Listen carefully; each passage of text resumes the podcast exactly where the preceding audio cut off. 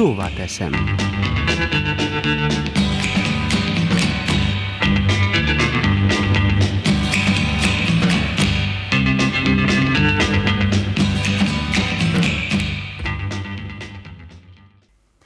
Ma édesanyaként köszöntöm Önöket, tisztelt hallgatóink. Hogy miért kezdem így? Mert Szlovéniában pénteken, március 25-én ünnepeltük az anyák napját. Anyának lenni mindenkorban, minden körülmények között fantasztikus, fenséges. Semmihez sem fogható érzés. Számomra ez életem legcsodálatosabb küldetése, a legtöbb, amit valaha elértem, elérhetek. Gyermekkorom óta vágyam volt az, hogy anyámhoz, nagyanyáimhoz hasonlóan én is egyszer majd érezzem az új élet kibontakozását a szívem alatt, hogy életet adjak egy kis emberkének, akit aztán segíthetek felcseperedni, megtapasztalni a világot. Pont másfél évvel ezelőtt érkezett meg a legnagyobb ajándék, amit valaha kaphattam az élettől, Hanna kislányom. Abban a pillanatban éltem meg azt, hogy a testemen kívül is dobog még egy szívem. Számomra megszűnt az én, és a szó szoros értelmében megszületett a mi. Tudatosult bennem, hogy mostantól valaki másnak tartozom nagy felelősséggel. A felemelő érzés mellett az aggodalom is helyet kapott az életemben. Hanna már a fogantatásától kezdve harcos a maga módján, hiszen a világot veszélyeztető járvány határozta meg az életünket.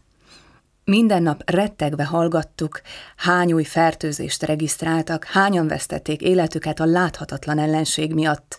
Jöttek az ilyen-olyan intézkedések, a korlátozások, lezárások. Mint sokan mások, én is aggódtam, féltem. Nem saját magamat féltettem, hanem a bennem kibontakozó életet. Aztán 18 hónappal ezelőtt kezembe foghattam a világ legszebb kislányát, az anyaság kezdeti nehézségeitől eltekintve jött az újabb kihívás. Hanna mindössze két hónapos volt, amikor mi is elkaptuk a koronavírust. Elevenen csengenek bennem a gyermekorvosunk szavai. Nézze, senki sem tudja megmondani, mi lesz. Van, akinek semmi baja sincs a vírustól, van, aki belehal. Eldöntöttem, hogy nekünk nem lesz bajunk, és tán ennek is köszönhetően súlyosabb tünetek nélkül átvészeltük a fertőzést. Ezután várt ránk néhány nyugodtabb hét, amíg használatban nem bocsátották a koronavírus elleni oltószert. Szoptató anyaként nagyon tanácstalan voltam. Mit tegyek? Oltassam be magam? Ezzel megvédem a gyermekemet, vagy talán legyengítem az immunrendszerét? Meghoztam egy döntést. Csak remélni tudom, hogy jól cselekedtem. Az idő pedig majd megmutatja, hogy így van-e. Miután a koronavírus enyhébb mutánsai lecsengeni látszottak, Villámcsapásként jött a hír. Oroszország megtámadta Ukrajnát. Egy ilyen esemény hallatán minden anyának kihagy a szíve egy ütemet. Aztán látva az ukrajnaiak sorsát, a menekülő anyákat, nagyanyákat, a síró gyermekeket, nekem is óhatatlanul könnyek gyűltek a szememben.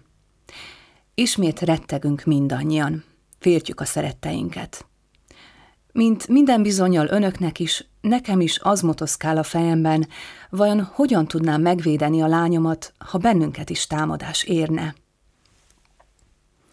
A szűnni nem látszó félelem közepette az én fogódzom, amely legyen az önöké is, hit, remény, szeretet.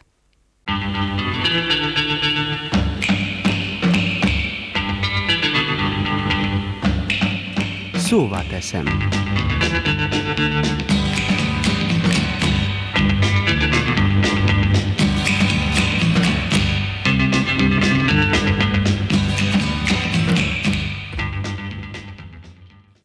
Az elhangzottak a szerző véleményét tükrözik, és nem minden esetben egyeznek a szerkesztőség álláspontjával.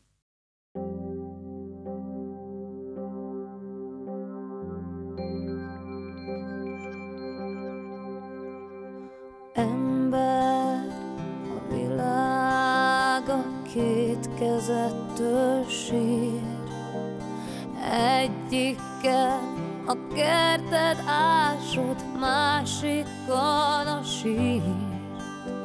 A másik, tudod, bőven várhat rád. Építsd a kertet hát tovább,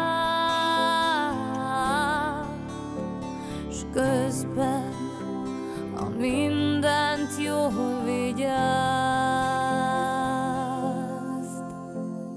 Vigyázz a madárra, ha kertet berepül, őrizd meg a csendet, s el sem menekül. Bajban a világ, ha egyszer újra messze száll. Vigyázz a madárra, ha váladra repül, élet arra menekül.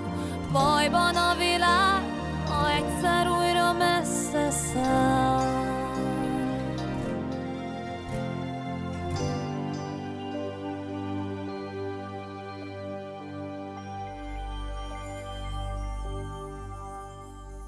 ember a világból csak a sajátod érdekel szükség határát ó, ritkán hagytad el.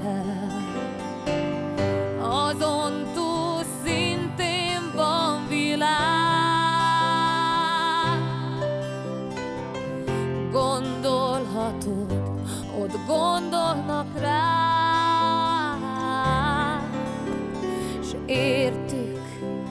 ha mindent jól vigyáz. Vigyázz a madárra, ha kertedbe berepül, őrizd meg a csendet, el se menekül. Bajban a világ, ha egyszer újra messze száll. Vigyázz a madár,